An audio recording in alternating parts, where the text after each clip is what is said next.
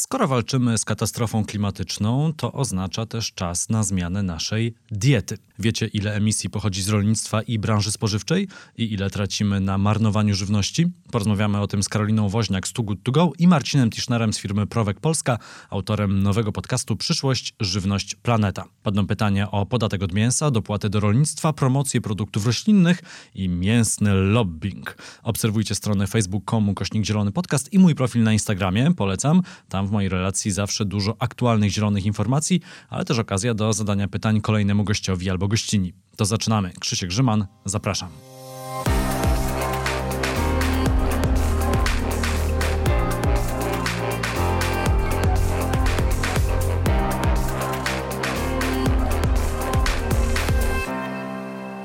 Gośćmi Zielonego Podcastu są Karolina Woźniak, PR menedżerka Too Good To Go. Dzień dobry. Dzień dobry. Czyli platformy, która pozwala nie marnować żywności.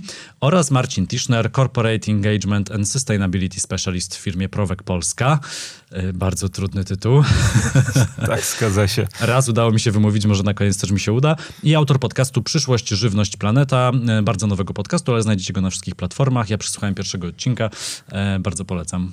Dziękuję. Dzień dobry. E, dzień dobry. E, moi drodzy, zaprosiłem was, bo chciałbym porozmawiać o diecie dla planety. Temat wydaje mi się bardzo aktualny, tym bardziej, że bardzo dużo mówimy o cięciu emisji w energetyce, w ciepłownictwie. E, wprowadzamy nowe technologie w tym zakresie, walczymy z plastikiem. Unia Europejska robi bardzo dużo w tym zakresie. No a z tą dietą jest tak, że no, mówimy, że jest weganizm, że jest wegetarianizm, że dieta roślinna jest zdrowa, ale wydaje mi się, że takich systemowych działań nam trochę trochę brakuje. A jak duży wkład ma e, właśnie ta nasza dieta e, w emisję? E, w emisję dwutlenku węgla i w emisję innych gazów cieplarnianych. Mhm. Szacuje się, że z perspektywy globalnej ten sektor spożywczy odpowiada łącznie za ponad jedną czwartą emisji gazów cieplarnianych pochodzących z naszej aktywności. Jest to taki wątek, powiedziałbym, wielowymiarowy, czyli ta produkcja sama w sobie jest jednym z wątków, natomiast jeśli weźmiemy pod uwagę cały łańcuch dostaw, to ta emisja faktycznie jest, jest większa i wynosi aż, aż jedną czwartą tego, co wszyscy produkujemy. Mm, składa się na to, mm, no właśnie, chociażby temat wylesiania, zmiany przekształcania gruntów samej produkcji rolnej, e, maszyn wykorzystywanych w rolnictwie, nawozów, emisji związanych z emisjami metanu e, wśród przeżuwaczy, czy czy, czy kwestią zagospodarowania odchodów odzwierzęcych, ale też kwestia opakowań, transportu, logistyki. To jest to, co się na ten wpływ węglowy mm, składa. Ja bym jeszcze dodała, bo wymieniłeś tutaj bardzo dużo różnych diet. Ja bym wymieniła najlepsza dieta dla planety to ta dieta niezmarnowana. 8 do 10% emisji pochodzi ze zmarnowanego jedzenia, które mogło być jeszcze zjedzone, a zostało wyrzucone z jakiegoś powodu. Więc tutaj do tej diety dla planety, jako taki punkt pierwszy, dodałabym każda niezmarnowana dieta.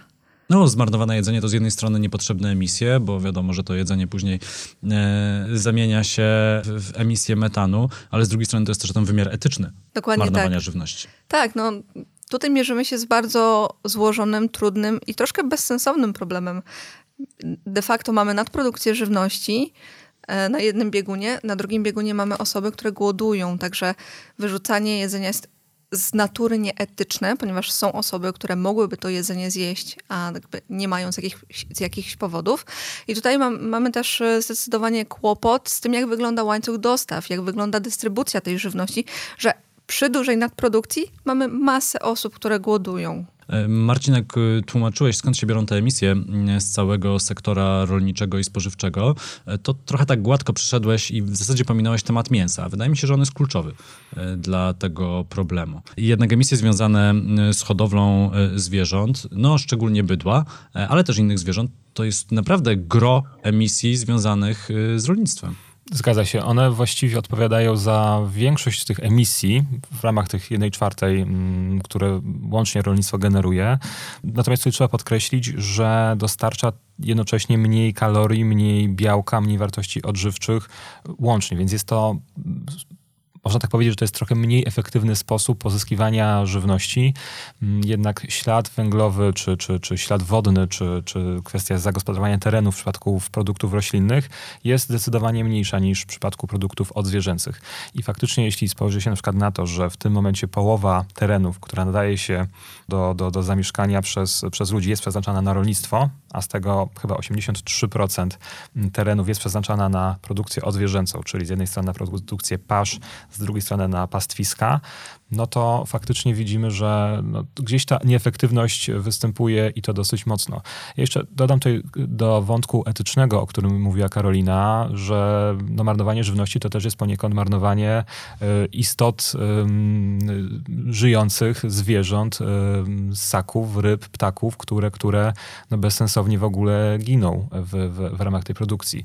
Jeśli spojrzymy na to, że w tym momencie około 75 miliardów zwierząt rocznie jest ubijanych na, na, na, na mięso, nie wliczając w to w ogóle ryb, których jakby ilości są, są niepoliczalne, no to, y, no to faktycznie mm, no, ogromne grono tego, te, te, tej, tej liczby jest po prostu marnowana i to też jest taki wątek etyczny, o którym się niewiele mówi, ale, ale warto być go świadomym. A co więcej, jeszcze oprócz tego, że same zwierzęta są zabijane na nasz pokarm, to jeszcze w momencie, kiedy produkujemy pasze dla zwierząt, które później trafiają na nasz stół, e, tracimy bioróżnorodność i niszczymy siedliska zwierząt e, dziko żyjących. Także tutaj kolejne jeszcze istnienia można doliczyć do tej listy długiej. E, Marcin powiedziałeś, że jedna czwarta emisji to są emisje związane z produkcją żywności. Dla porównania energetyka to jest też około jednej czwartej emisji. To pokazuje, jak bardzo dużym problemem dzisiaj są te emisje związane z rolnictwem, chociaż te emisje się trochę różnią, bo gdy mówimy o energetyce, zwykle mówimy o dwutlenku węgla, mhm. a gdy z kolei mówimy o rolnictwie, produkcji spożywczej, to częściej mówimy o metanie i podtlenku y, azotu, które jedne i drugie są gazami cieplarnianymi, trochę inaczej działają na naszą atmosferę, ale i jedne i drugie są e, złe dla planety. E, no i mm, dla tych wyliczeń stosowanych w statystykach e, międzynarodowych przelicza się to na pewien ekwiwalent dwutlenku węgla, tak żeby to wszystko było porównywalne. Stąd możemy w ogóle mówić, że na przykład ta jedna czwarta emisji to jest ten metan przeliczamy na ekwiwalent dwutlenku węgla. To tak dla porządku mówię tylko. Tak, znaczy ja może też tutaj dodam, że w ramach tej, tego tego wpływu, o którym mówiłem, czyli 1 czwarta, mniej więcej 26-30, w zależności od tego, jakie, jakie dane się tutaj przyjmie, wlicza się w to cały sektor ten żywnościowy, czyli zarówno transport, jak i na przykład energia zużywana w trakcie wykorzystywania maszyn rolniczych. Więc poniekąd te emisje czasami się, się y, przenikają między sobą.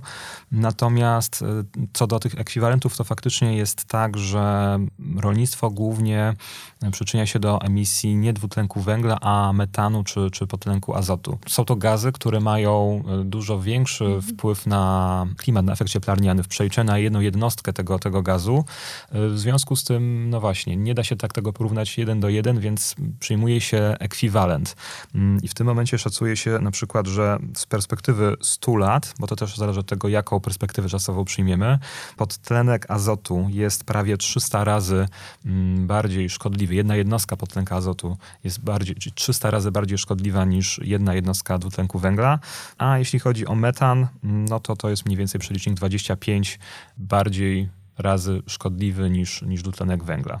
Przejdźmy do działań, co się dzieje w świecie, żeby te emisje w rolnictwie zmniejszyć. Bo tak jak powiedziałem, jeżeli chodzi o energetykę, dużo działań jest podejmowanych, wiemy jakie działania podejmuje Unia Europejska, wiemy jakie mamy działania na poziomie globalnym, czyli porozumienie paryskie, wiemy co się dzieje w Stanach Zjednoczonych. Joe Biden e, znowu e, wpisał Stany do tego porozumienia paryskiego, obiecuje wielkie inwestycje w energetykę. No a co się dzieje w tym czasie z rolnictwem? Cokolwiek się dzieje z rolnictwem, są jakieś zmiany. E, w ogóle jeszcze nie pojawił się temat nawozów stosowanych w rolnictwie, a to jest przecież też ogromne źródło emisji. Z jednej strony produkcja, z drugiej strony reakcja z glebą. Tak, znaczy powiedziałbym, że w rolnictwie dzieje się też sporo. Być może to nie jest tak głośny wątek, jak na przykład zmiany w energetyce w związku ze zmianami klimatu.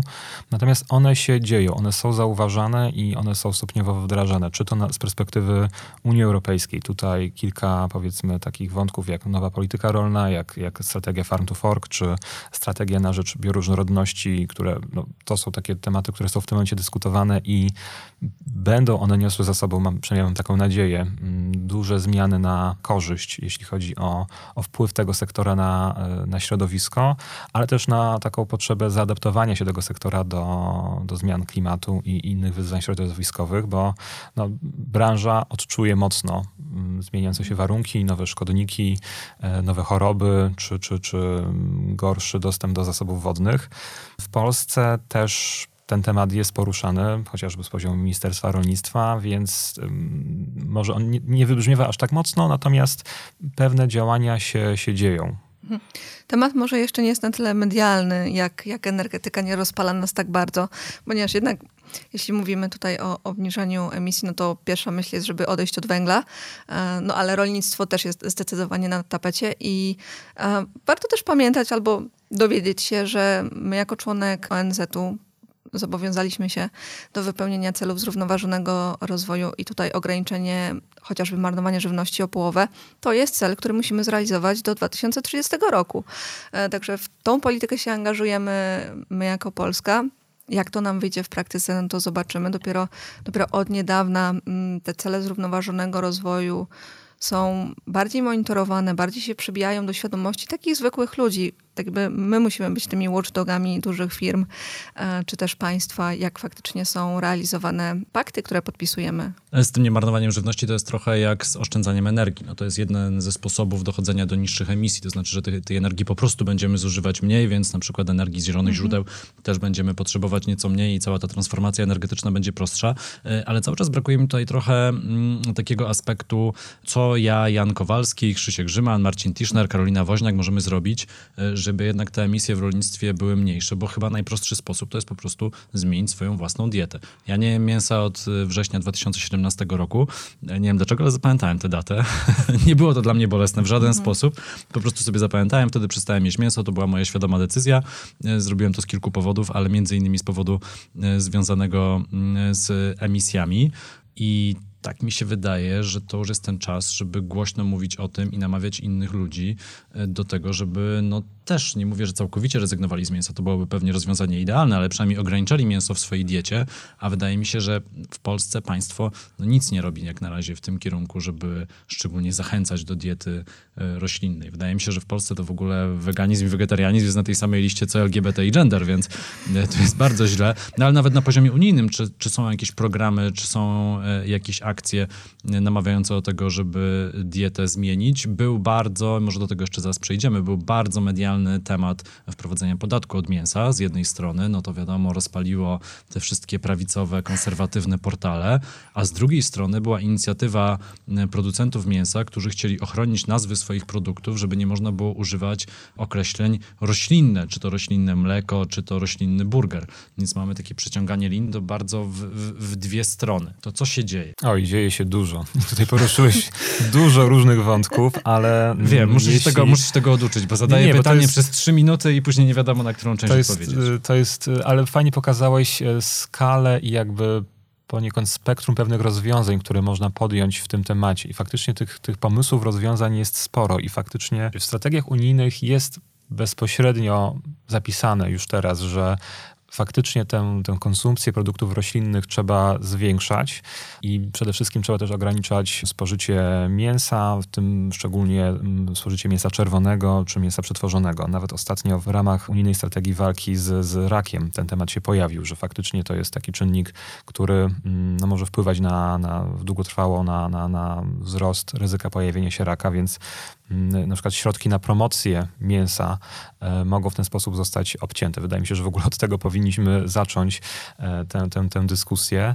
Natomiast e, przechodząc dalej, wspomniałeś o podatku do mięsa. Faktycznie ten temat się pojawił i nawet powstały takie wyliczenia, które mówiły, że mm, gdybyśmy faktycznie chcieli ślad węglowy produkcji mięsa zrekompensować, no to przykładowo mm, wołowina czy cielęcina musiałaby podrożeć o 47 eurocentów na 100 gram produktu.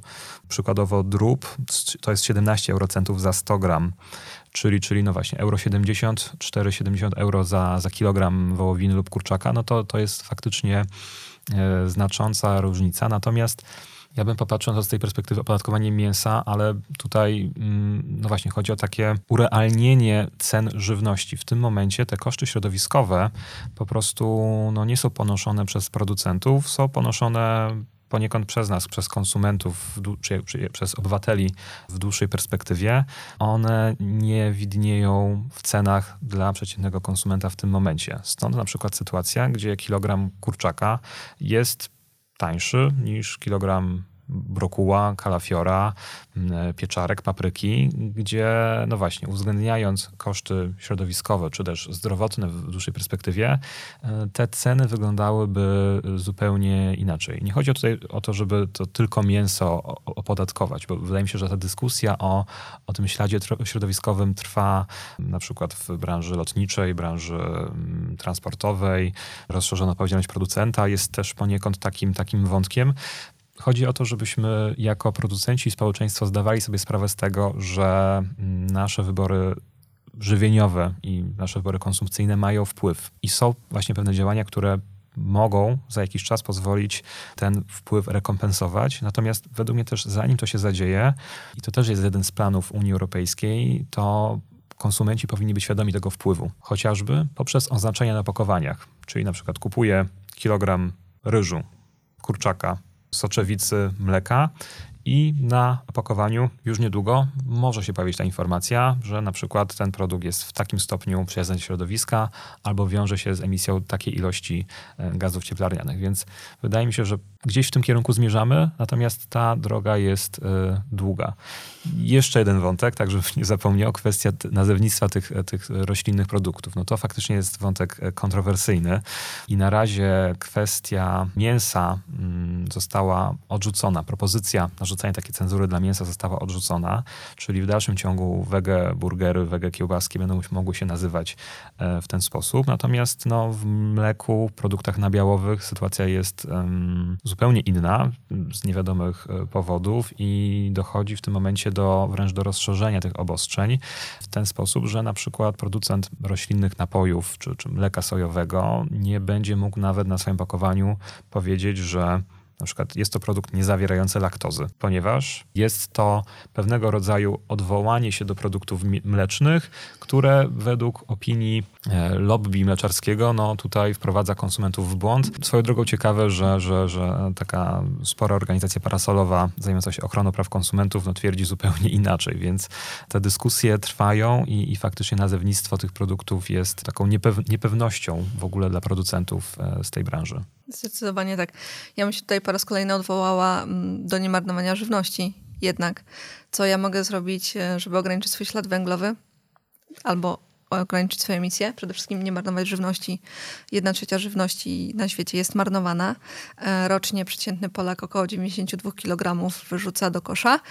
Oprócz tego, że to jest faktycznie żywność, którą można zjeść, to są pieniądze wyrzucamy własne pieniądze do kosza. Warto też o tym pomyśleć, mm, zanim następnym razem coś, coś y, skończy zamiast w naszym brzuchu czy na talerzu, to jednak e, w koszu. Um, I tak jak powiedział Marcin, mm, a propos tej laktozy, y, troszkę się zaśmiałam wewnętrznie, bo pomyślałam sobie, że nawet czasami woda butelkowana ma oznaczenie, że jest gluten free, więc zastanawiam się, dlaczego nie może coś być lactose free. Jakby tak, tak się zaśmiałam wewnętrznie, bo faktycznie widocznie są bardzo różnie wykorzystywane oznaczenia w zależności od tego, mm, komu zależy na oznaczeniach. Ja się dziwię temu lobby mleczarskiemu i tym producentom, czemu oni po prostu nie pójdą po rozum do głowy i nie zaczną produkować tych e, roślinnych odpowiedników. Mhm. Przecież branża mięsna, tu w Polsce to już się dzieje na pewną tak. skalę. Oni po prostu zaczęli tak, tak robić tak, tak. roślinne kabanosy i jakoś mają te same opakowania, troszkę inaczej tam ta szata graficzna wygląda. Troszkę to jest tak zrobione, żeby y, jednych zachęcić, a innych nie zniechęcić. Y, ktoś się może pomylić przez przypadek kupić te kabanosy i też je zje. I wydaje mi się, że nie będzie miał z tym dużego problemu i jakoś branża mięsna w Polsce sobie z tym poradziła, ale widzę, że na poziomie europejskim y, z branżą mleczarską jest trochę inaczej. Ale zatrzymując się jeszcze przy tym podatku od mięsa, czy od emisji tak naprawdę bardziej. No jeżeli byśmy spojrzeli na sektor energetyczny, o którym już parę słów mówiłem, no to w sektorze energetycznym mamy już opłaty za emisję, czyli energetyka węglowa płaci ekstra mhm. za to, że emituje, no to w zasadzie dlaczego nie mielibyśmy iść krok dalej i nie wprowadzić tego samego na przykład w branży spożywczej. Ja od razu wiem, że tutaj się pojawi drugi argument, czy kontrargument, że niestety zapłacą za to najgorzej sytuowani. No i z tym trudno się nie, nie zgodzić, tak? Że osoby najmniej zarabiające, w których budżetach te wydatki spożywcze, to jest podobnie jak z energetyką, stanowią po prostu większy procent, a być może y, wtedy bardziej atrakcyjne dla nich staną się też produkty roślinne. Tak, znaczy ja bym też powiedział, że warto w ogóle też przemyśleć kwestie dofinansowań do, do tej branży, bo w tym momencie No ona... właśnie. W tym momencie ja też Jeden ze słuchaczy, Paweł, wskazał e, te, ten problem, bo pytałem słuchaczy, e, co by zrobili i Paweł napisał, wycofać dopłaty do hodowli przemysłowej mięsa. Tak, no tutaj Kropka. właśnie może dodam, że, że, że na przykład raport Greenpeace'u wskazywał na to, że około, mm, to było chyba w 2017 roku, że około 30 miliardów euro rocznie było wpompowywane w tą branżę w ramach właśnie dofinansowań, E, a jak mówiłem o tym podatku mięsnym i to kon- konkretnych wyliczeniach, to, to też się w sumie uśmiałem, jak em, dotarłem do konkluzji, że w ten sposób Unia Europejska, przy, zakładając te stawki, które podałem wcześniej, mogłaby zarobić około 30 miliardów euro, które może były przeznaczone na powiedzmy bardziej sprawiedliwą transformację. Więc jeśli w tym momencie 30 miliardów euro jest w jakimś stopniu wpompowywane w ramach dofinansowań, a potem ma być jeszcze dodatkowy podatek, to pytanie, czy to się faktycznie tak e, kalkuluje i czy nie za dużo w tym biurokracji. Natomiast no tutaj no nie ma pewnie takich prostych, prostych sposobów. To, to, to musi iść, iść dwutorowo. Ja bym tutaj jeszcze dodała, że tak na dobrą sprawę osoby najmniej sytuowane, one i tak za to płacą. Ta żywność, która jest najtańsza, ona nie jest dobrej jakości. To nie jest y, wolna od ulepszaczy, od wszelkiego rodzaju chemikaliów czy antybiotyków, no bo zwierzęta są faszerowane antybiotykami, substancjami, żeby rosły szybko, żeby były tanie. Jakby to wszystko jest, ta żywność tania jest napakowana masą chemii, która nie jest dobra. Ona nie jest dobra dla organizmu człowieka, jakby w dłuższej perspektywie jest po prostu szkodliwa. Więc de facto osoby najmniej zarabiające, które nie mogą sobie pozwolić na mm, żywność bio, one i tak niestety najbardziej na tym tracą zdrowotnie. A gdyby nie wprowadzać podatku e, od mięsa, od emisji, a po prostu uregulować to stawkami VAT? Wojtek o to pyta, czy to jest możliwe do wprowadzenia, żeby stawkami VAT y, trochę e, potanić e, produkty roślinne, a sprawić, że produkty na przykład mięsne będą droższe. Czy to nie tędy, nie tędy droga i to zbyt duże uproszczenie? No bo ostatecznie chodzi o jakoś- wpływy do budżetu i, i, i też stan zdrowia Polaków, tak? Wiadomo, że ta nadkonsumpcja mięsa e, powoduje też różnego rodzaju choroby. Tak, znaczy no, nie, nie trzeba by było wtedy tworzyć osobnego mechanizmu zbierania dodatkowych opłat, po prostu zmienić mm, rozpiskę stawek VAT, natomiast e, nie do końca w 100% też by to oddawało taki realny mm, wpływ środowiskowy. No, wpływ powiedzmy kilograma e, mięsa i kil- kilograma wołowiny jest jednak mm, znacznie różny, a, a, a pewnie ta kategoria została potraktowana po prostu jako, jako mięso, więc jest to kierunek, czy jest to idealne rozwiązanie? No pewnie takich nie ma, ale, ale jest to powiedzmy krok pewnie w nieco lepszą, lepszą stronę. A może edukacja? Może na to trzeba postawić. Może nie zniechęcać wyższymi cenami, ale po prostu edukować. No i też niektórzy tutaj idą daleko w tej edukacji. E, Marcin e, proponuje, żeby tak edukować, żeby pokazywać ludziom po prostu, jak się produkuje e, te różne przetwory, albo na przykład jak wygląda taka masowa produkcja mleka, że to gdyby pokazać wielu osobom, to by otworzyło oczy i one by jednak zrezygnowały już z, in, zupełnie innego powodu, że z powodów etycznych po prostu nie chciałyby tego dotykać. Wiecie, jest takie powiedzenie, że nie, powinno się pokazywać e, polityki od kuchni i produkcji parówek, tak? E, Tak, mówi się tak, tak. e, więc może jednak to trzeba pokazywać w mediach. I to może jednak będzie skłaniało z zupełnie innego powodu, ale efekt będzie ten sam. Jest to też narzędzie. Wydaje mi się, że, że w tym momencie gdzieś ta edukacja mm, w ogóle wzrasta. No, ja też jestem przykładem osoby, która pewnie jeszcze 5-6 lat temu zupełnie sobie nie zdawała, mm, albo była w niewielkim stopniu świadoma tego, jak duży wpływ środowiskowy czy, czy etyczny ma hodowla zwierząt, czy kwestia marnowania żywności. To też jakby traktowałem wcześniej bardzo, bardziej jako problem powiedzmy natury ekonomicznej, więc wydaje mi się, że ta świadomość powoli wzrasta. No i pokazywanie tego, tego sposobu produkcji no też jest jednym, może być jednym z elementów tej edukacji. Natomiast e, też uważam, że do różnych ludzi trafiają różne argumenty. No, mnie naj, najbardziej przekonał argument środowiskowy.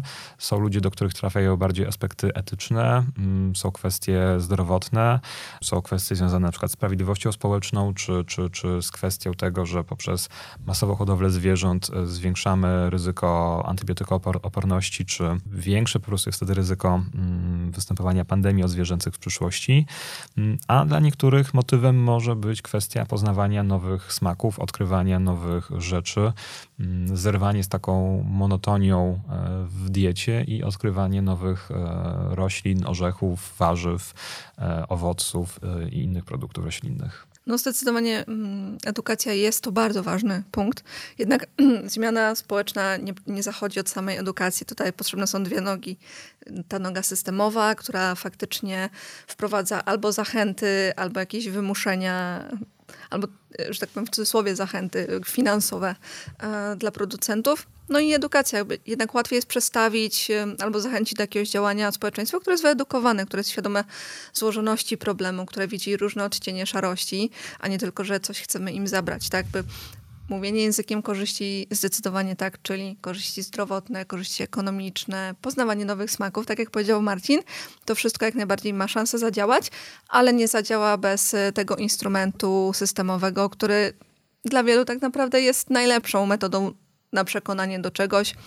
Do niektórych mówią pieniądze, do biznesu najczęściej najlepiej przemawiają pieniądze. A jeśli przy tym jest poparcie społeczne, no to w, w, całej glorii i chwale producent może powiedzieć, że od dzisiaj robimy tak i tak i tutaj wszyscy będą zadowoleni. To Otto von Bismarck powiedział, zwykli ludzie nie powinni wiedzieć, jak się robi parówki, jak wyglądają kulisy polityki. E, to tak na marginesie, można sobie zapamiętać. E, dobrze, to teraz chciałbym, żeby było coś smacznego w tym podcaście. E, gdybyście powiedzieli, a co ciekawego się dzieje na polskim rynku, jeżeli chodzi o produkty roślinne? E, no bo mm, Karolina się tutaj wyrywa wreszcie. Karolina, powinnaś teraz pierwsza odpowiedzieć na pytanie, bo, bo cały czas utrzymujemy jakiś taki tutaj schemat patriarchalny, najpierw mężczyzna, a potem kobieta. Nie, po prostu to jest tak, że Marcin jest ekspertem od wege, więc oddaję mu pole Oczywiście. jako zatwardziała weganka, więc Oczywiście. tutaj... Nie, no, ja wydaje mi się, że teraz jak tak już zacząłeś, to, to jednak poproszę Karolinę, żebyś zaczęła i, i to ja jest... Ale chciałem, chciałem jeszcze tylko zaznaczyć, że w tym podcaście, przynajmniej w drugim sezonie, parytet mam utrzymany na przechył kobiet zdecydowanie. Po pierwszym, po, po pierwszym sezonie, po pierwszych 40 odcinkach miałem takie wrażenie, no nie, jednak był trochę przechód w stronę mężczyzn. Teraz bardzo pilnuję tego, żeby jednak kobiet było więcej w podcaście, więc tutaj y, mam czyste sumienie. Tutaj wyrażę swoją bardzo osobistą opinię. Jestem super zachwycona widząc, jak na przykład mięsni producenci przechodzą na stronę roślinną. I to jest super. Jestem tego zdania, że nie obchodzi mnie, czy producent y, ten czy tamten produkuje mięso, ale zaczyna wchodzić w tą strefę zieloną. To jest super, bo pokazuje, że duzi, można by powiedzieć takim fixed mindset, że idziemy tą starą, dobrze utartą drogą. Oni się otwierają na nowe i to jest super, bo nie dość, że dociera do nowych y, konsumentów, to jeszcze pokazuje, że faktycznie to jest przyszłość. Jakby nic się nie dzieje bez przyczyny. Jeżeli duzi producenci mięsa widzą gdzieś nadzieję w alternatywach roślinnych, to znaczy, że tutaj rewolucja naprawdę zaczyna nabierać tempa.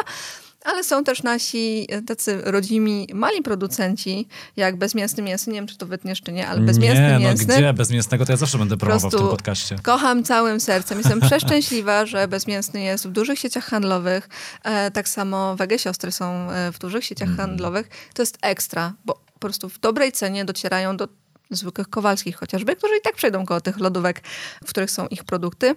Dla mnie to jest po prostu super wiadomość, że nie tylko duże alternatywy roślinne są dostępne dla każdego praktycznie, ale też ci mali producenci, którzy może w jakimś tam sposób bardziej zrównoważony od samego początku e, wchodzą w rynek spożywczy. To zanim Marcinowi oddam głos, to powiem tylko, że to jest trochę taki przykład, jak właśnie takie e, spożywcze startupy typu bezmięsny, mięsny przetarły szlaki w Polsce, pokazały, że da się to robić na coraz większą skalę i to później skłania tych dużych producentów, o ile oczywiście nie, nie nazywają się na przykład zakłady mięsne Zbyszek, no bo to musieliby zmienić nazwę, ale jednak te firmy, które produkują tego produkty mają takie nazwy w miarę neutralne, że one wchodzą, wchodzą w ten rynek e, i oferują produkty już takie bardziej masowe, naprawdę na wielką skalę. Tak, no ja tutaj mogę tylko się podpisać pod tym, co powiedział powiedziała Karolina, bo faktycznie... Ale nie, no Marcin musi dawać jeszcze jakieś przykłady. Co, co, co, co, co kolejnych się dzieje produktów, na tym, co się dzieje kolejnych na tym produktów. rynku? No jasne. E, Wiesz co, sporo. Mm, Startupy i które powiedziałbym też szukają zupełnie nowych takich surowców, bo, bo, bo wydaje mi się, że jeszcze parę lat temu ten rynek wege kojarzył się głównie z soją i, i, i niezbyt powiedzmy ciekawymi wartościami e, smakowymi. O tyle w tym momencie smakowo, no to jest kwestia oczywiście gustu, ale faktycznie niektóre produkty są nie do mm, wręcz odróżnienia od produktów mięsnych, ale też widzimy, że mm, różne ciekawe surowce typu powiedzmy mleko owsiane, powiedzmy gdzieś tam mleko migdałowe, sojowe, mm, jeszcze parę lat temu mm, dominował rynek, w tym momencie mocno wystrzelił owiec, a, a, a też są zakusy różnych producentów na inne, powiedziałbym, lokalne produkty typu, typu e, gryka, proso, groch. To są takie, takie rzeczy, które mogą się w najbliższych latach pojawiać. Jeśli chodzi o zamienniki mięsa, no to tutaj tych gama gama tych produktów, surowców, które może być wykorzystywana jest bardzo szeroka, ale takie inne kategorie, których być może jeszcze nie ma, ale na rynku polskim powinny się niedługo pojawić, albo są, ale w niewielkich ilościach, to zamienniki ryb, czy, czy i owoców morza, czy zamienniki O, jajek. Super. To też jest taki Jajka gdzieś mi wątek. tam już mignęły w, w internecie. Tak, takie, Tak, natomiast to są, to są jeszcze na razie no, produkty powiedzmy niedostępne w większych sieciach e, handlowych, natomiast to są produkty, które gdzieś już się przebijają za granicą. W tym momencie notują najszybsze wzrosty, tak procentowo, jeśli chodzi o wzrost sprzedaży, natomiast to jest w dalszym ciągu stosunkowo niewielka ilość, ale no, wydaje mi się, że za parę lat właściwie już, już wszystkie, powiedzmy, kategorie produktów odzwierzęcych będą miały swoje roślinne zamienniki albo zamienniki hodowane komórkowo. To być może jest temat na, na jeszcze e, dłuższą, dłuższą rozmowę. Być może to nie jest jeszcze temat, który w Unii Europejskiej szybko wejdzie ze względu na regulacje. Podobno w Singapurze już można zjeść. Natomiast tak, w Singapurze w grudniu zeszłego roku w pierwszej restauracji jest już taka możliwość realnego, fizycznego przetestowania jako konsument, jako osoba z zewnątrz. Więc, więc e, to, to też jest ciekawy wątek. Mam nadzieję, że za e, paręnaście lat, a może wcześniej, będzie już dosyć takim powszechnym, mm, powszechną kategorią produktów również w Polsce. E, Jak sobie myślę o tych polskich produktach e, spożywczych wege, no w ogóle duże polskie m, metropolie, e, jak spojrzysz na rynek restauracji, no to liczba lokali wege jest ogromna. To już nie jest jakiś tam jedno czy dwusezonowy trend, to po prostu już się dzieje. To jest część rynku, bardzo rosnąca. Zresztą w menu bardzo wielu lokali jest ta sekcja wege i, i nawet wegan. I w ogóle, że już gastronomia cała to rozróżnia, to uważam, że jest bardzo duży postęp, że już nie tylko mamy dania jarskie, ale, ale mamy też tę te, te opcję wegańską. Ja y, trochę się dziwię, trochę czekam, e, aż będzie taka polska wersja Impossible Burger, tak? E, Jakiegoś takiego produktu, no może to jest bezmięsny mięsny właśnie, nie wiem, e, ale brakuje mi jeszcze takiego produktu, że wow, że to jest nasza odpowiedź. Nie wiem, może to jednak w Polsce powinien być bardziej schabowy e, niż, niż burger, bo te burgery w Polsce to też taki zaimportowany jest produkt, ale wydaje mi się, że ten rynek fast foodowy w Polsce też jest na tyle duży, że można byłoby coś takiego wprowadzić. Więc trochę na to czekam, a coś, co mnie na przykład bardzo dziwi, e, to to, że w McDonaldzie w Polsce cały czas nie ma opcji wegańskiej. Jak to jest w ogóle możliwe, że tak wielka sieć, widząc jak ten rynek szybko rośnie, jakoś taka jest powolna we wprowadzaniu tych produktów. Kurczę, yy, nikogo tutaj nie reklamuje, no ale w Żabce możesz pójść kupić teraz... Beyondy kupisz. Ale w Żabce możesz też kupić gotową kanapkę Mm, w, tak. wegańską z, z, z wegańskim kurczakiem, z wegańskim serem i to się udało zrobić w sieci Żabka, która ma tam pewnie parę tysięcy punktów, a w tych McDonaldach w Polsce, no nie wiem. No No daleko- Mhm. Możesz, możesz jakby, nie, wiem, y, nie jestem akurat fanem y, tej sieci wielkim, e, ale zdarza mi się czasem, jak każdemu z nas w trasie gdzieś się zatrzymać, no i pytam o te opcje wegańskie, możesz zjeść albo frytki, albo e, bułkę e, bez wkładu. Znaczy możesz tam wziąć w zasadzie sałatę i ogórkę tylko, no bo ser to wiadomo nie odpada i to mięso też odpada. No i to jest ich cała odpowiedź. To mnie dziwi, że to idzie z jednej strony tak powoli, a z drugiej strony właśnie czekam na to jakąś taką polską odpowiedź. Tak, tak. No tutaj spółka mm, Beyond Meat w 2019 roku zanotowała jeden z najlepszych startów na Wall Street w ciągu ostatnich 20 lat, ale faktycznie mm, jeśli chodzi o polskich producentów, no ja bym tu być może też nie wiem, na ile mogę reklamować, no dobrą kalorię wskazał jako taki naprawdę produkt zdrowy, smaczny i, i, i nie odstający w tych walorach smakowych od, od mięsa, a wręcz pewnie w wielu przypadkach przewyższający go.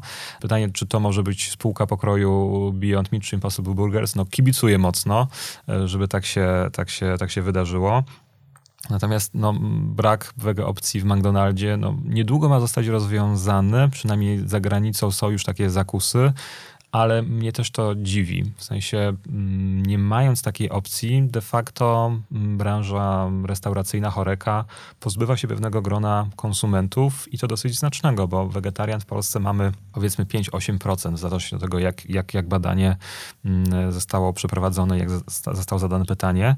Natomiast osób, które po prostu, no, flexitarian, reduktarian, które nie chcą koniecznie danego dnia jeść, jeść mięso, jest e, dużo, więcej. I no, no, no dziwię się po prostu, że, że firma nawet chociażby jednej, dwóch opcji nie chce mm, wprowadzić. Tym bardziej, że główny konkurent e, Burger King ma przecież Rebel Whopper, który jest wege. I on już jest po prostu z, z ich nim burgerem e, roślinnym. A powiedzcie y, trochę jeszcze o statystykach a propos jedzenia mięsa w Polsce. Były takie liczby, które zszokowały chyba wszystkich. Nie wiem, czy to było rok temu. Główny Urząd Statystyczny podał, że spożycie mięsa w Polsce spadło jakoś diametralnie, potem się okazało, że to był błąd. I tam się coś przesunęło przy kopiowaniu tabelek w, tak, w tak, Głównym tak. Urzędzie Statystycznym, ale tak czy tak trend taki widać, że mięsa jednak jemy w Polsce mniej. Y, znaczy, GUS podał w zeszłym roku początkowo faktycznie, że to spożycie spadło o 20%, potem po, po faktycznie wyjaśnieniach i po burzy medialnej okazało się, że to jest jednak spadek o 2% i w tym momencie spożycie w gospodarstwach domowych wynosi około 61 kg na osobę.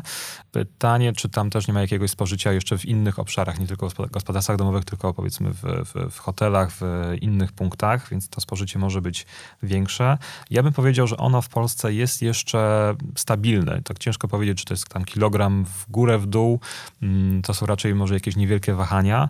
Natomiast na zachodzie to spożycie jest w dalszym ciągu wyższe niż w Polsce, natomiast ono już zaczyna już spadać, więc wydaje mi się, że wiele krajów przechodzi po prostu taką, taką górkę, czyli jeśli kraj zaczyna się rozwijać, to ta konsumpcja mięsa mm, rośnie do pewnego momentu i po czym zaczyna spadać, tak jak to widzimy już w krajach bardziej rozwiniętych.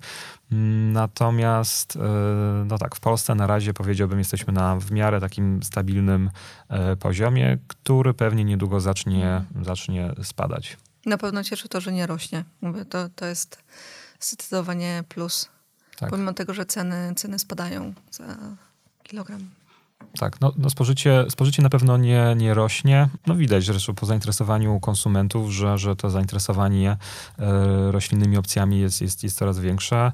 Mięso powiedziałbym przestaje być takim wyznacznikiem powiedzmy bycia cool, prestiżu. Tak mam przynajmniej takie wrażenie, że jeszcze kilkanaście, kilkadziesiąt lat temu to, to było takie bardziej trendy. W tym momencie no, takim trendem jest jednak mm, dieta z dużo mniejszą ilością mięsa i produktów odzwierzęcych, więc tutaj to daje też jakąś nadzieję, że, że w Polsce w tym kierunku będzie się to rozwijało.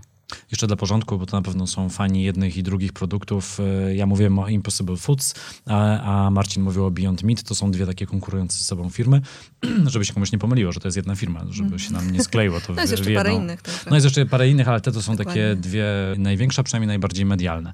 E, ale ponieważ y, wspomniałeś Marcin o tym, jak to jest z krajami rozwijającymi się i rozwiniętymi, jak ta konsumpcja mięsa wygląda i wydaje mi się, że to jest jeden jeszcze bardzo ciekawy aspekt, który powinniśmy poruszyć y, w tym podcaście, bo mm, globalne ocieplenie to jest nasz wspólny problem i wiemy, jak wygląda walka ze zmianami klimatu, jeżeli chodzi o energetykę.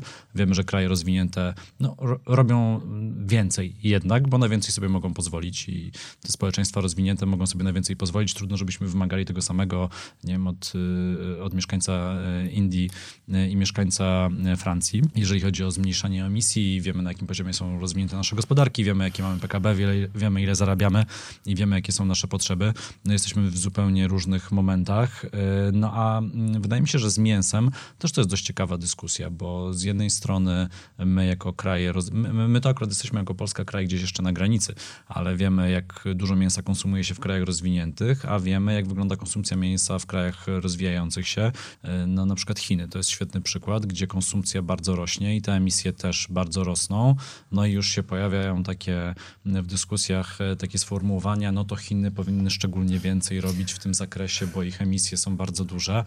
A jak sobie pomyślę, no tak, ale jeżeli to przeliczymy na jednego mieszkańca, to oni jednak Mhm. jedzą i emitują dalej zdecydowanie e, mniej. No i tu jest e, pytanie, e, kto powinien robić więcej i kto powinien się bardziej angażować i, i co robić, żeby nie spychać odpowiedzialności na innych. Ja bym powiedziała, że wszyscy powinni robić dużo. Zacznijmy od tego, że kraje zachodnie wyeksportowały całą produkcję do Chin. Jakby wszystkie emisje z produkcji poleciały do Chin. Więc jeśli już mamy szukać winnych, to najpierw zobaczmy, co zrobiliśmy ze swoimi emisjami. Tak mówię ze swoimi, bo my też jesteśmy jednak krajem zachodu, bogatego zachodu, więc e, spójrzmy najpierw e, w lustro i Z emisjami, ze śmieciami. Dokładnie, gdzie, Wszystko byśmy wyeksportowali. Dokładnie, gdzie złe. nasze śmieci, gdzie nasze emisje powędrowały, a później czepiajmy się, e, czepiajmy się Chin. Ale oczywiście jakby wzrost e, spożycia mięsa nie będzie dobry, bo ta produkcja mm, mięsa bardzo dużo emisji CO2, nie tylko CO2, gazów cieplarnianych e, wytwarza. Więc tutaj na pewno jest to trend, na który trzeba bardzo bacznie zwracać uwagę, ale też nie można być hipokrytą. Nie możemy mówić, że Chiny mają wszystko za nas załatwić. Tym bardziej, że Chiny de facto chcą się kreować na lidera zielonej zmiany. Jakby jednego dnia zamykają masę kopalni węglowych, drugiego dnia y, ogłaszają, że otworzą wielkie farmy wiatrowe czy słoneczne. Jakby tam zmiany dzieją się na pstryknięcie palca. Po prostu A jest trzeciego dnia zbudują elektrownie węglowe w Afryce, więc Dokładnie, więc, do, jest dokładnie, więc tam jest, bardzo skomplikowana sytuacja. tak, tam, tam jest zdecydowanie kalejdoskop, ale ja bym tutaj o, o tą hipokryzję zaczepiła, że najpierw spójrzmy na siebie i Zachód, co zrobiliśmy z naszymi emisjami, a później, później wytykajmy palcami. Tak, ja bym tutaj dodał, że trochę ciężko myśleć w ogóle o, o tym, żeby w jakiś sposób ograniczać, mm, powiedzmy, spożycie w ogóle żywności czy, czy mięsa w krajach rozwijających się w momencie, w którym tam faktycznie problem głodu jest em, dużo bardziej mm, widoczny. No, w tym momencie 800 milionów, około 800 milionów ludzi na świecie głoduje, no i ciężko właśnie oczekiwać, że ktoś będzie starał się ratować planetę, z, no nie mając co mm, włożyć do garnka. Natomiast ja wierzę, że kraje rozwijające się mogą, powiedzmy, uczyć się też trochę z naszych błędów. I być może ta trajektoria, i właściwie na pewno ta trajektoria spożycia mięsa w najbliższych latach w krajach rozwijających się będzie rosła. Natomiast być może dzięki rozwiązaniom technologicznym, które w tym momencie wprowadzane są w krajach rozwiniętych, typu właśnie roślinne zamienniki, e, typu mięso hodowane komórkowo, typu trend na bardziej roślinną dietę, tego typu zachowania, tego typu technologie, tego typu też prawo czy, czy podejście systemowe mm, szybciej zagości również w tych krajach, co jakby długotrwalowo też będzie korzystne dla nich ekonomicznie. I wydaje mi się, że mm, można na przykład porównać to do kwestii czeków i płatności czekami, gdzie w Stanach Zjednoczonych ten system zagościł, powstał dużo wcześniej niż, niż, niż, niż w Polsce, no ale w tym momencie te czeki w Stanach jeszcze do dzisiaj funkcjonują, a powiedzmy my jako Polska przeskoczyliśmy kilka Mhm. e, etapów w tym, w tym rozwoju. Taka E, premia za zapóźnienie. Trochę, trochę tak. No w tym momencie w wielu krajach rozwijających się płaci się SMS-ami. I powiedzmy na, na tym przykładzie płatności mobilnych, no pokazuje się, że to może być jakaś droga, natomiast pytanie, czy tak będzie z, ze spożyciem mięsa, ze spożyciem żywności, no zobaczymy. No tutaj na pewno nie możemy obwiniać krajów rozwijających się za to, że chcą się rozwijać.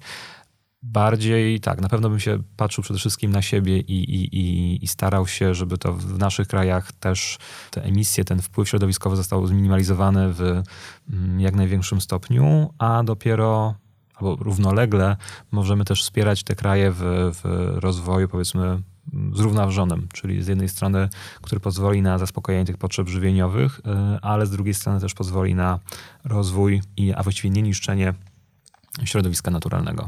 Y, Karolina, powiedz jeszcze, y, jak tam wygląda sytuacja z Too Good To Go, bo rozmawialiśmy chyba z rok temu Tak, ostatnio. Tak, No, to i już- to byliśmy już w nawet- kilku miastach, chyba Tak, tak, trzech, tak, czterech. Tak. Wchodziliście wtedy do kolejnych miast. Tak, teraz pamiętam. jesteśmy już w 15 miastach. Za dosłownie 7 dni otworzy się 16. Także idea niemarnowania rozlewa się i widać super przyspieszenie.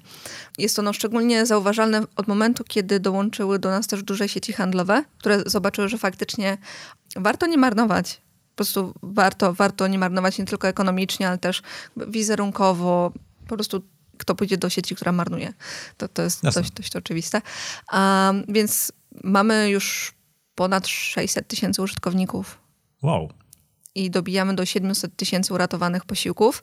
Także no, liczby są imponujące i myślę, że 21 zamkniemy grubo powyżej bańki, e, że tak powiem kolokwialnie, zarówno z użytkownikami, jak i, jak i z uratowanymi posiłkami. I to tylko może cieszyć, bo to pokazuje, że jest to rozwiązanie, które działa po prostu. I nawet u nas zadziałało w Polsce, gdzie często lubimy narzekać, że a u nas się nie uda, a guzik prawda.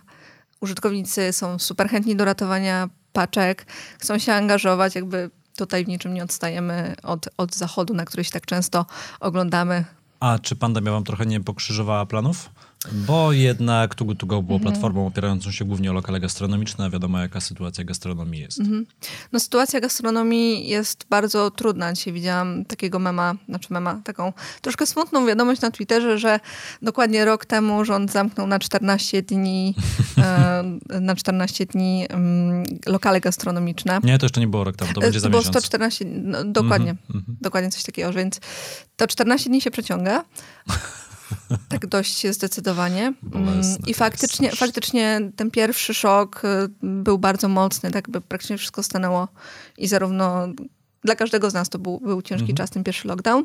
E, teraz y, restauracje starają się działać jak mogą, ale co przyniosła pozytywnego pandemia, bo są jednak pozytywy, to to, że e, marnowanie po prostu się nie opłaca. Oglądając każdą złotówkę, widzimy, że marnowanie jedzenia to też są pieniądze, które uciekają nam przez e, palce. I to jest no to jest jakiś plus, tak. Mam jeszcze jedno pytanie do was na koniec tego podcastu, bo uważam, że jesteście prawdziwymi dyplomatami, jeżeli chodzi o żywność. No Marcin o tej roślinnej żywności tak zawsze opowie, żeby każdy miał na nią ochotę, ale nigdy nie powie, musisz przestać jeść mięso. Karolina też nie powie, musisz przestać marnować, tylko mówi, no zobacz, jak ty możesz uratować jedzenie, jaka to piękna idea. Bardzo mi się to podoba, ale moim zdaniem, no czas na ostrzejsze działania naprawdę no, w wielu e, obszarach.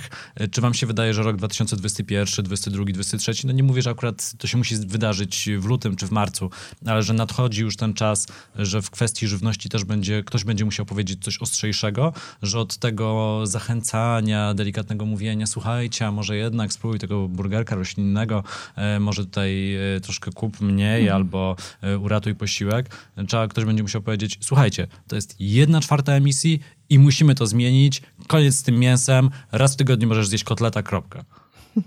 Czy wam się wydaje, że na poziomie też regulacji powstanie, rzeczywiście zostanie wprowadzony na przykład wspomniany podatek od mięsa, albo zostanie coś zmienione w systemie e, dotacji? Czy będziemy tak płynęli do roku 2030, a potem do roku 2040, cały czas bojąc się powiedzieć na głos to, co chyba no, świadome osoby już wiedzą. No to mhm. jest duży problem dla planety i nie wystarczy, że zainstalujemy sobie solary i wiatraki na morzu. No naszą dietę też musimy zmienić. Mhm. Ja myślę, że tak.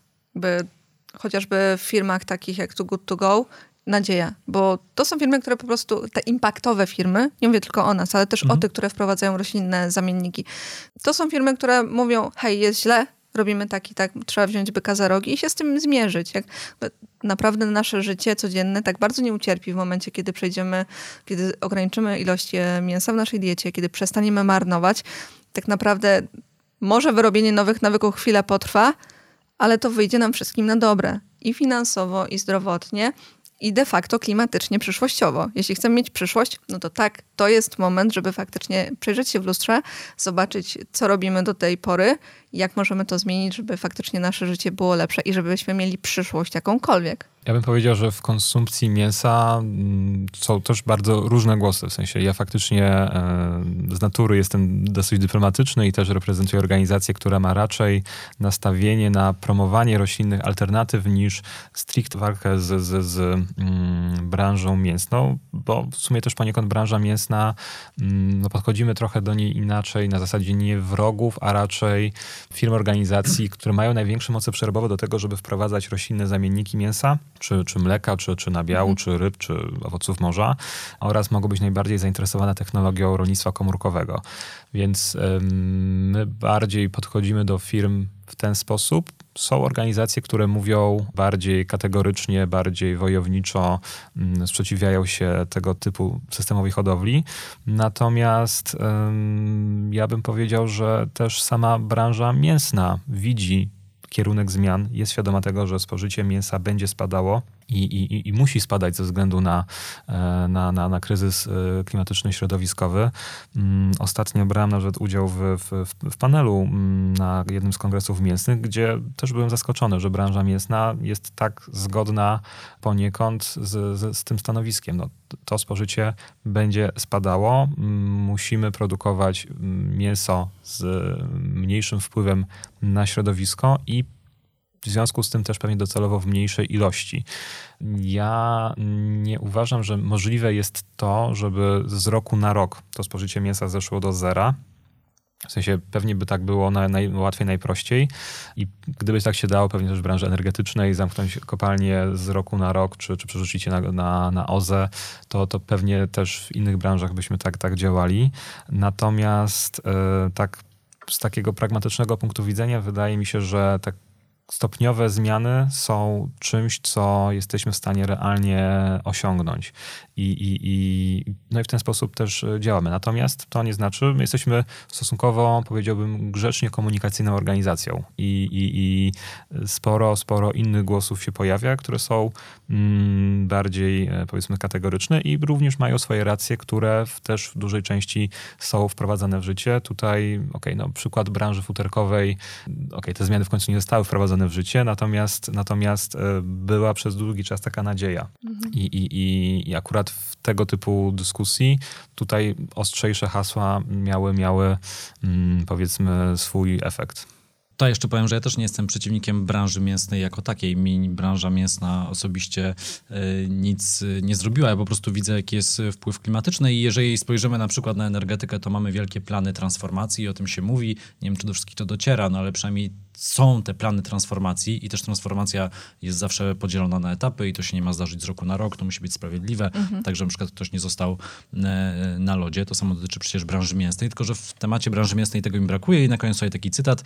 Witold Choiński, prezes Związku Polskie Mięso, zresztą swoją drogą znamy się e, z czasów, gdy pracowałem jeszcze w radiu. E, bardzo sympatyczna osoba, no ale gdy czytam takie słowa a propos tych nazw bezmięsnych, mięsnych, wiele krajów europejskich już zakazało używania nazw produktów produktów mięsnych w stosunku do produktów wegetariańskich. Branża mięsna zbyt dużo zainwestowała w promocję swoich marek, aby teraz były one używane przez branżę wegetariańską. No i czytasz coś takiego, jednak ci się otwiera nóż w kieszeni no, i zastanawiasz się, no kurczę, rzeczywiście, no branża mięsna tyle zainwestowała w słowo na przykład burger, że no już powinni mieć na to trademark, już tylko oni powinni móc używać e, tego słowa. Tak, ja jestem ciekaw, jaki jest stosunek e, do powiedzmy określeń typu kabanos drobiowy, czy, czy szynka drobiowa, gdzie, gdzie no, szynka czy Gabanas tak. to są typowo produkty pochodzące z, tak. z tuszy wieprzowej, a, a w tym momencie są produkty e, drobiowe. Znaczy, ja bym tutaj w kwestii nazewnictwa odpowiedział tylko tyle, że no, język ewoluuje i no cóż, no, konsumenci nie mają problemu ze zrozumieniem tego, który produkt jest który. Więc to nie jest de facto problem zgłaszany przez konsumentów, no to jest próba pewnego rodzaju uszczypnięcia tej branży roślinnych e, hmm. alternatyw przez e, producentów mięsnych czy nabiałowych, e, z którą duża część branży też się nie zgadza, no bo jeśli, mm, jeśli powiedzmy producent mięsny ma w swoim portfolio zarówno produkty mięsne i roślinne, no to dla niego tego typu regulacje nie są korzystne, więc tu można by toczyć długie spory językowo-filozoficzne na temat tego, jak to się powinno nazywać, ale, ale na razie wegeburgery mogą się nazywać wegeburgerami. A propos jeszcze zmian, to dla mnie takim, taką historią sukcesu jest, mm, jest producent plantonów, e, który jest totalnie tradycyjnego tradycyjnej produkcji nabiałowych e, jogurtów. Przeszedł na roślinne i jest we wszystkich sklepach znanej marki w Polsce, więc polecam zdecydowanie przechodzenie na 100% wekę, bo można. I tu chyba musimy postawić kropkę, bo i tak was przeciągnąłem, a wiem, że wam się spieszy. Trzeba ratować świat. Karolina Woźniak, PR menadżerka Too Good To Go. Bardzo dziękuję. Dziękuję. I Marcin Tischner, spróbuję jeszcze raz. Corporate Engagement and Sustainability Specialist w firmie Prowek Polska i autor podcastu, który bardzo polecam. Przyszłość, żywność, planeta. Kto będzie gościem drugiego odcinka? Bo w pierwszym odcinku był profesor Zbigniew Karaczun. Rozmawialiście o raporcie, o którym ja też rozmawiałem w tym podcaście, a propos bezpieczeństwa żywnościowego Polski. Jak to będzie gościem kolejnego podcastu? Jeszcze nie mogę zdradzać, ale będzie o marnowaniu żywności, a w jeszcze kolejnym o foodtech i no, powiedzmy innowacjach w dostarczaniu posiłków. Na razie jeszcze nie zdradzam, także, Super. także dowiecie się niedługo. Super ciekawe podcasty na wszystkich e, popularnych platformach. Przyszłość, żywność, planeta. Bardzo Wam dziękuję za rozmowę. Dzięki. Dzięki. To był Zielony Podcast, kolejny odcinek w niedzielę. W wolnym czasie zajrzyjcie na stronę facebook.com kośnik Zielony Podcast i mój profil na Instagramie.